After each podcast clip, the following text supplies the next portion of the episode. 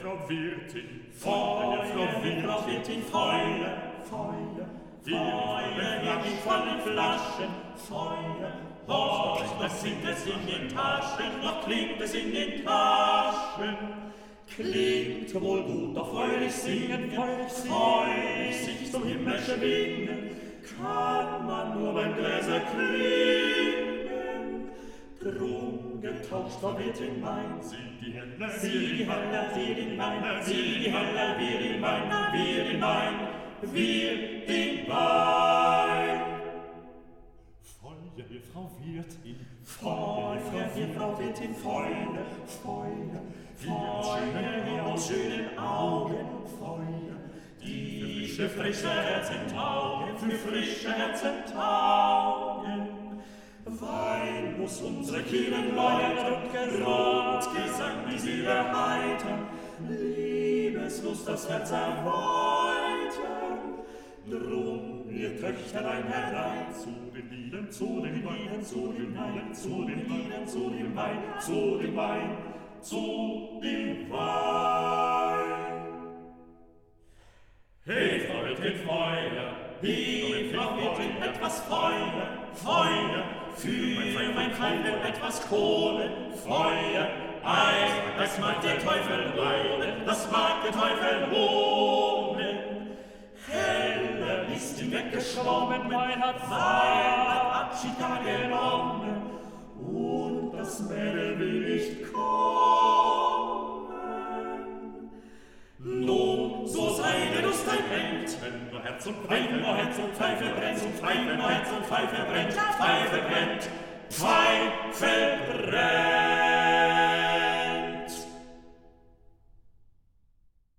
Komiði sæl. Hér á undan söng hópurinn Amarkord lagið Feuerher, komið með eld, eftir Karl Reinecke við kvæði eftir Robert Reinig.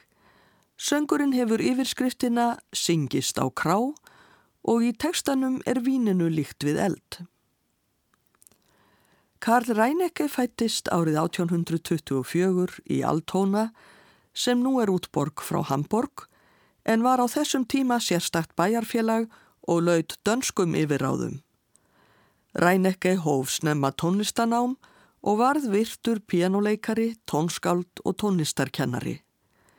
Lengst af starfaði hann í Leipzig og mörg þekkt tónskáld læriðu hjá honum. Fyrir skömmu kom hún til Þýskalandi geislaplata þar sem sönghópurinn Amarkord flytur lög eftir Rænekki og nokkra af nefendum hans. Þarna má meðal annars finna lög eftir Edvard Grieg, Leos Janacek og Max Bruch og eitt lagið er eftir Íslendingin Sveinbjörn Sveinbjörnsson, höfund þjóðsvengsins okkar og Guðvors lands.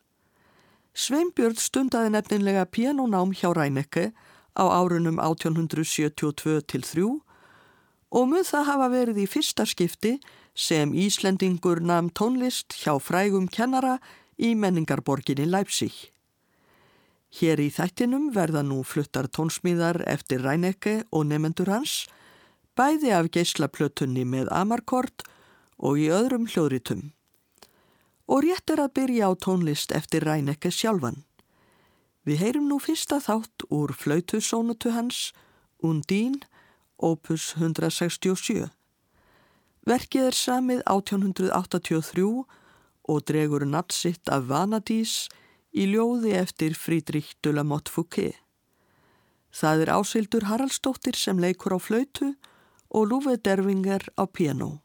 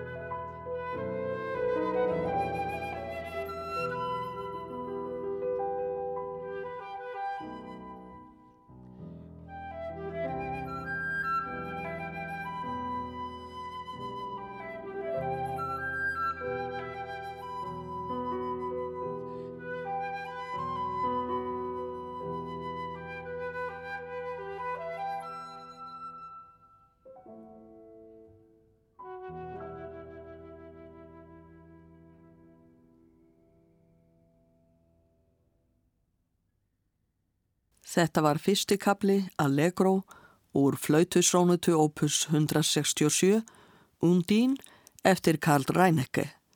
Flautuleikari var ásildur Haraldsdóttir og pianuleikari Lúve Dervinger. Þá er röðin komin að nefendum Reineckes sem hér verða teknir í tímaröð. Á sjötta áratug 19. aldar var Reinecke ekki komin til Leipzig Hann var kennari við tónlistarháskólan í Köln. Hann fekk þá nefnda á unglingsaldri, Max Bruch, og ljóst var að þessi nefnandi var ekki neitt aukvisi. Hann hafði samið symfóníu 14 ára gamall, en það segir Rænekki í endurminningum sínum að Bruch hafi sínt ótrúlegan þroska í tónsmíðum og útsetningum. Bruch var fættur 1838 og varð síðar engum þektur fyrir verki konsertformi, svo sem fiðlukonsert nr. 1 í Gemól og skoska fantasíu fyrir fiðlu og hljómsveit. Hér verður hins vegar flutt sönglag eftir hann, Morgenstendjen eða Mannsöngur að morgni, samið 1881. Ljóðið er eftir Jósef von Eichendorf. In den Wiefen frischer Lüfte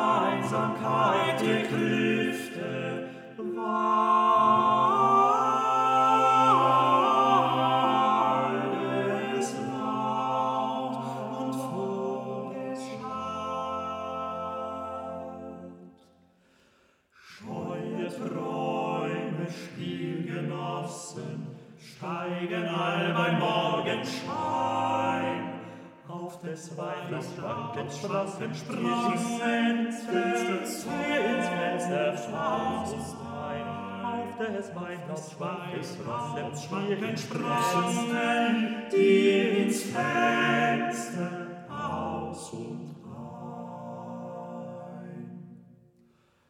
Und wir waren noch halb in Träumen,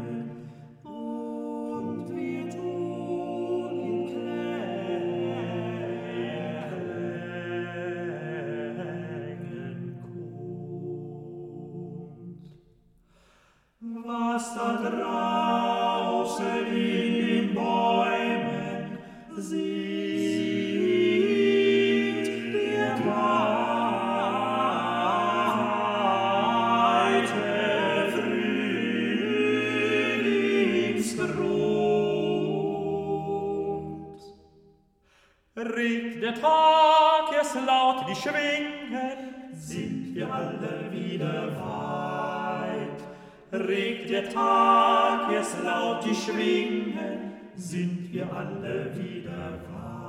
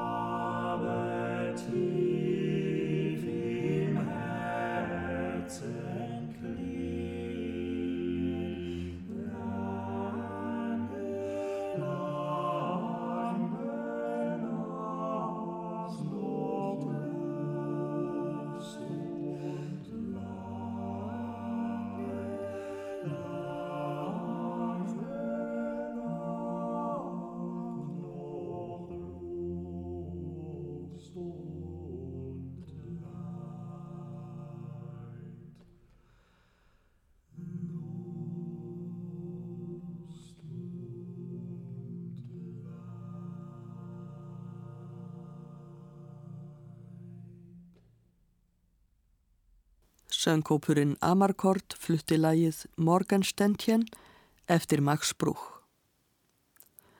Á árunum 1858 til 61 stundaði englendingurinn Arthur Sullivan nám í Leipzig, meðal annars hjá Ræneke sem þá var komin þangað.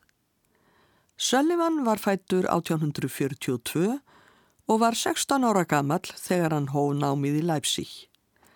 Hann stundaði námið af kappi og samdi sem útskriftarverk tónlist við leikrið Shakespeare's Ofviðrið.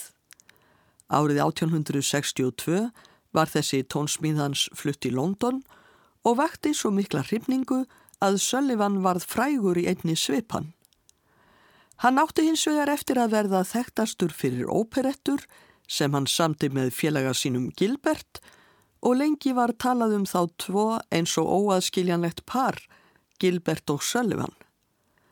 Felicity Lott og Anne Murray syngja nú lag eftir Sullivan Coming Home, heimkoma, við ljóð eftir Rhys. Pianoleikari er Graham Johnson.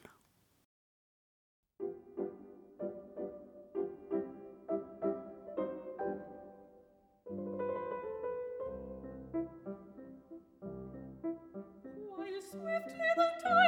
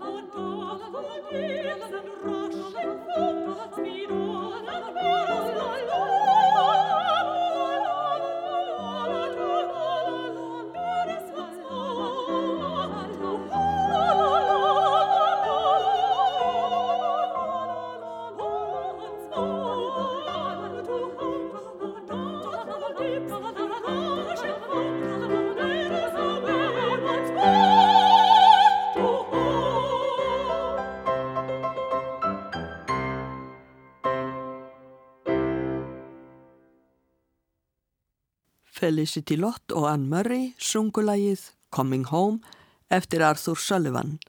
Graham Johnson leik með á piano. Norska tónskaldið Edvard Grieg fættist árið 1843.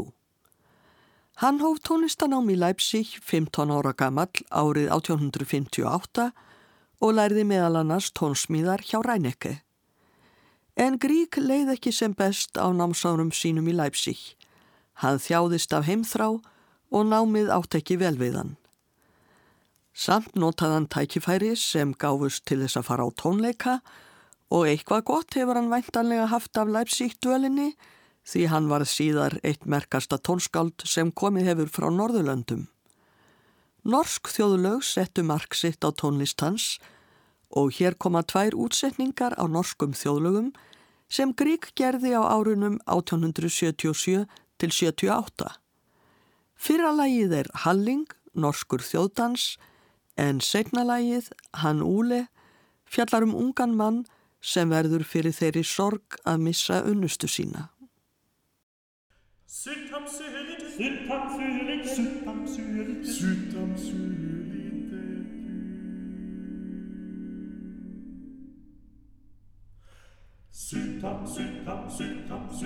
Faden, jag hoppas upp en ny melod Säger din kigall, så snart din kisvår Faden, jag hoppas upp en ny melod Säger din kigall, så snart din kisvår Sylihyllam, sylihidu Syttam Sylihyllam, sylihidu Syttam Syttam Syttam, sylihidu Sylihidu Syttam, sylihidu Syttam, sylihidu Syttam, sylihidu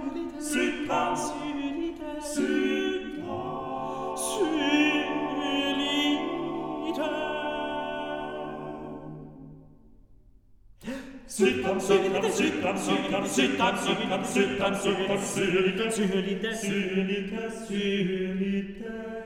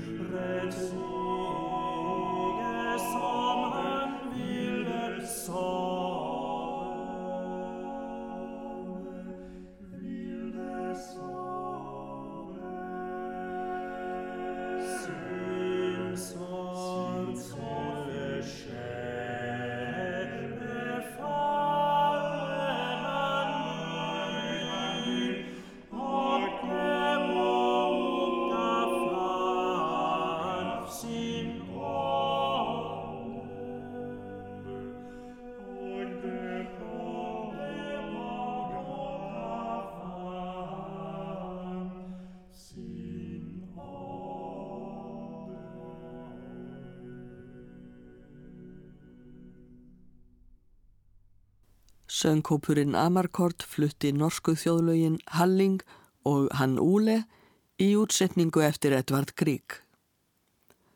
Þá erum við komin að Sveinbyrni Sveinbjörnsinni. Hann fættist á Seltjarnanesi árið 1847. Árið 1867, þegar hann var um tvítugt, kom norski fyluleikarin Johan Svensen til landsins. Svensen hreifst af tónlistarhæfileikum Sveinbjörns og kvattan til að reyna að læra meira. Það var engin hæðarleikur í landi sem átti engan tónlistarskóla. En orð Svensens juku Sveinbyrnin kjark og árið 1868 hjælt hann utan til tónlistanáms.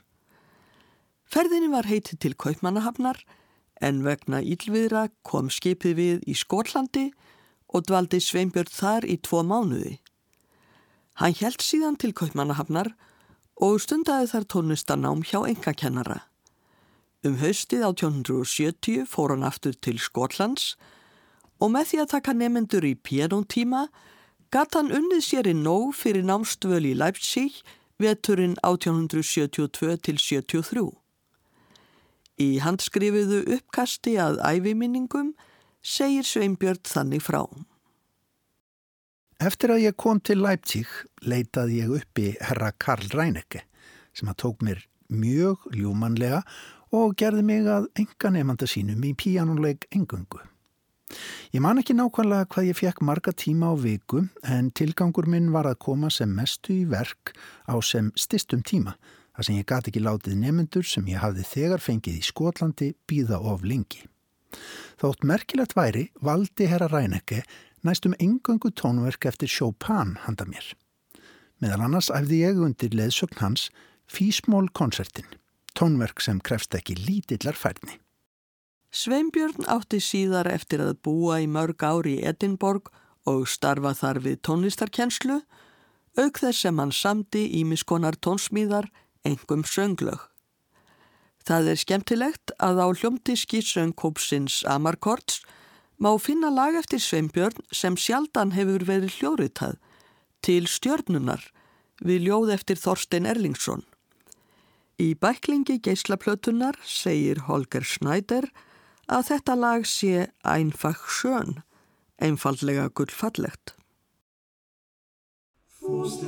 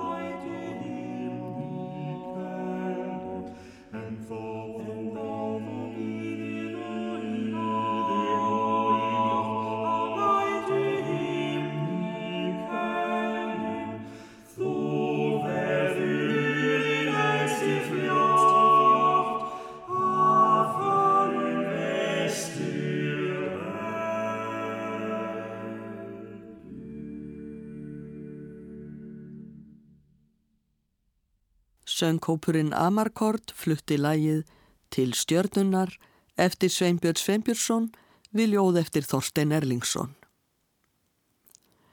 Nefendur við tónlistarháskólan í Leipzig á 19. öld voru yfirleitt engöngu karlmenn. En árið 1877 hóf kona í fyrsta skipti nám í tónsmíðum hjá Rænekki. Þetta var hinn enska Ethel Smythe sem var fætt 1858 og því 19 ára gömul þegar hún kom til Leipzig.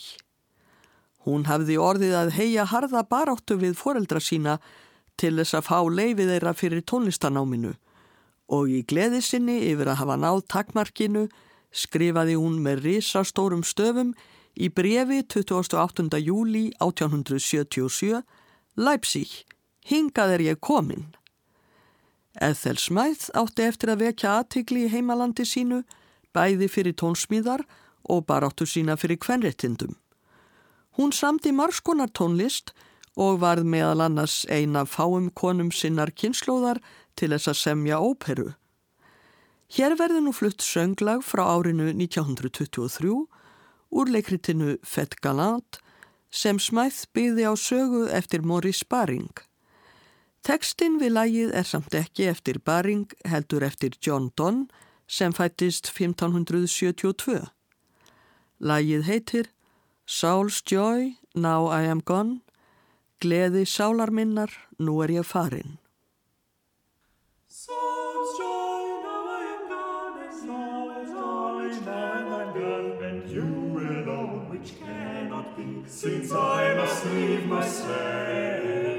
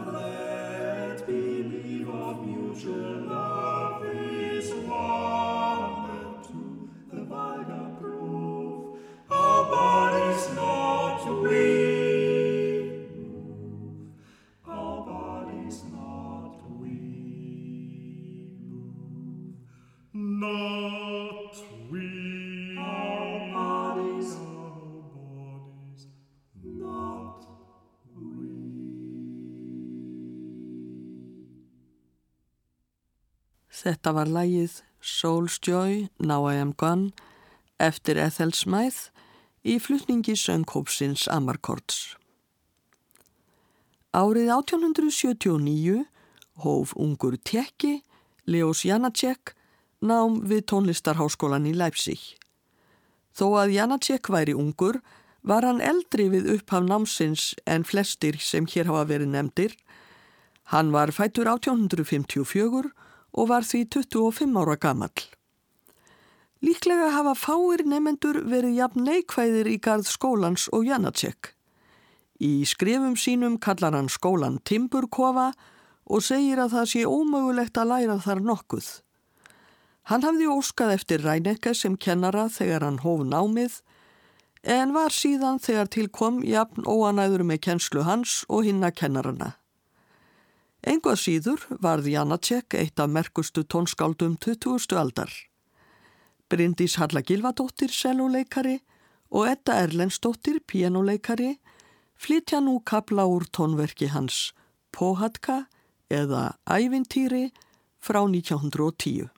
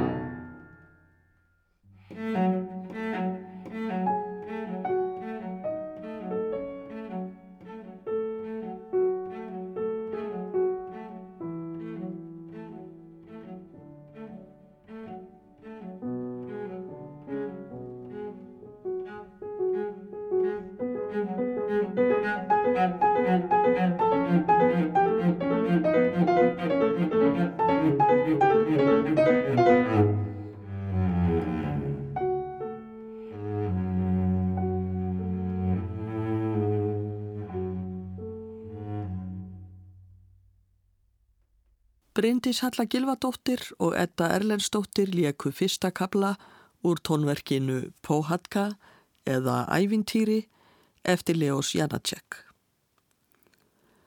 Tónsmíðurinn Mikalójus Konstantínas Tjúrljónis frá Litáen var einn af síðustu nefendum Rænekes.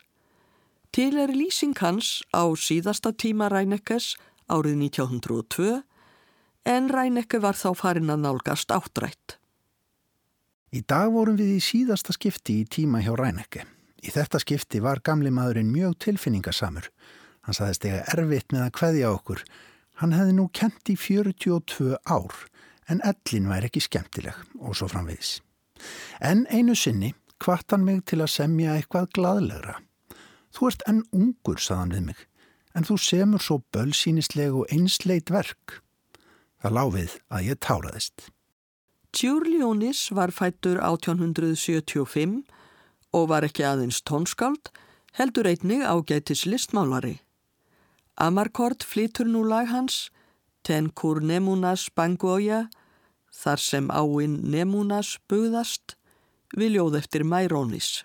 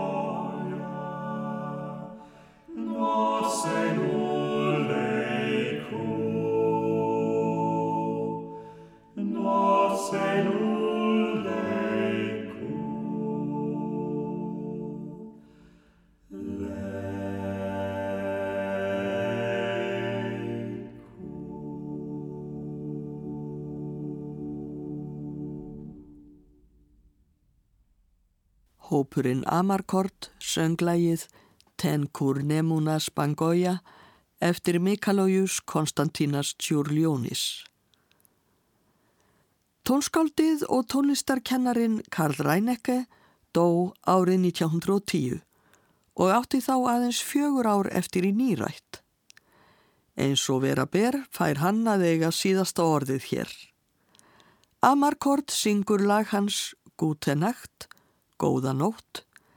Lægið er samið 1886 við ljóð eftir Rudolf Baumbach. Ég þekka hlustendum samfélgina, verði sæl.